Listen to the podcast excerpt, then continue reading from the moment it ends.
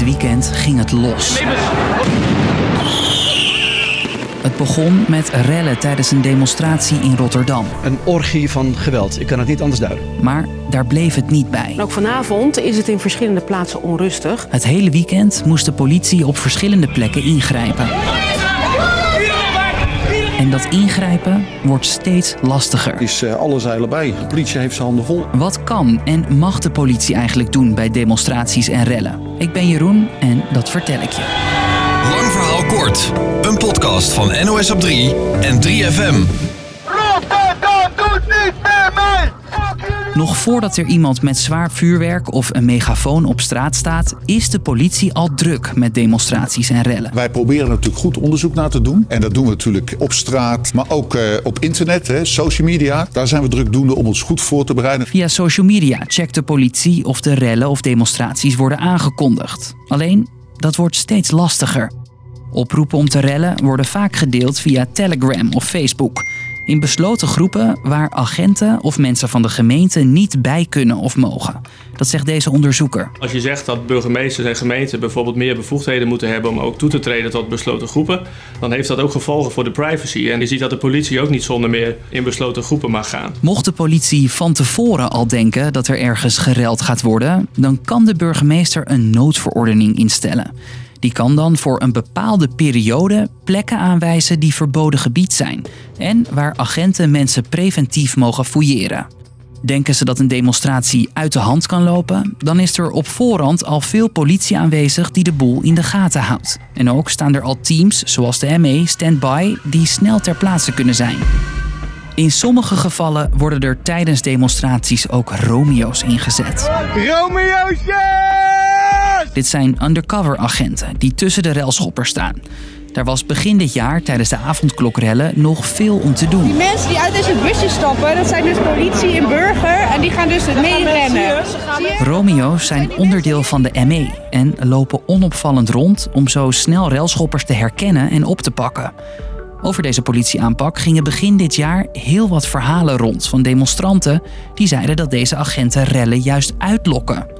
Wordt een demonstratie ineens grimmig, dan is er één term die je al snel voorbij hoort komen: een noodbevel.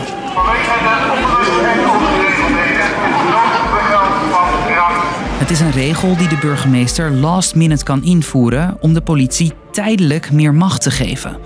Agenten mogen bijvoorbeeld straten afzetten, een demonstratie afkappen en mensen wegsturen. Gaat het echt los, dan mag de politie ook geweld gebruiken. Dat betekent niet dat een agent in het wilde weg mag slaan. De politie mag alleen geweld gebruiken als er geen andere opties zijn of om zichzelf te beschermen. Blijft het dan onrustig? Worden er spullen vernield en voorwerpen naar agenten gegooid? Dan kan de burgemeester ervoor kiezen om de boel schoon te vegen. Daarvoor is dan wel zo'n noodbevel nodig. Demonstranten worden langzaam uit elkaar gedreven om zo de boel rustig te krijgen. Bijvoorbeeld met een waterkanon of honden. Maar ook hiervoor geldt alleen als het niet anders kan. In Rotterdam ging het dit weekend nog een stap verder. Daar schoten agenten gericht op demonstranten. Voordat een politieman zijn wapen trekt en, en schiet, dan, dan moet er echt wat gebeuren. Gebruikt een agent zijn vuurwapen, dan komt er hoe dan ook een onderzoek van de Rijksrecherche. De middelen die de politie heeft om in te grijpen lijken steeds vaker niet genoeg.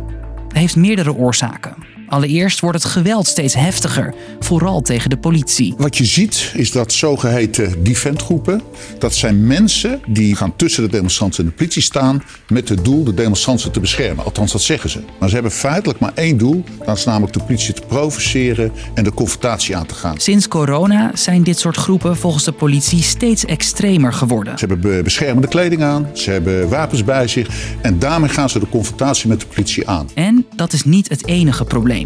De politie heeft ook steeds vaker geen idee wie de relschoppers zijn. Ze zijn veel al behoorlijk jong. En jong, dat betekent ook dat er veel twintigers tussen zitten. Maar ongeveer een kwart van al die mensen is gewoon minderjarig. Dat is zelfs van 14 en 13 jaar zijn we ze tegengekomen. En tot slot, de politie heeft de handen vol. De politiecapaciteit staat op dit moment onder druk. Omdat ook dreiging in, in, in de criminele wereld toegenomen is. We hebben te maken met een toegenomen migrantenstroom. Dat vraagt allemaal politiecapaciteit. Deze grote demonstraties. Ja, en dan wordt het kiezen. Dus, lang verhaal kort. De politie heeft samen met de burgemeester verschillende manieren om op te treden tijdens demonstraties en rellen. Agenten mogen daarbij geweld gebruiken, maar alleen als er echt geen andere optie is. Volgens de politie is optreden steeds lastiger omdat het geweld tegen agenten steeds extremer wordt en de politie het ook hartstikke druk heeft. Dat was hem voor deze podcast. Morgen rond 5 uur zijn we er weer. Bedankt voor het luisteren.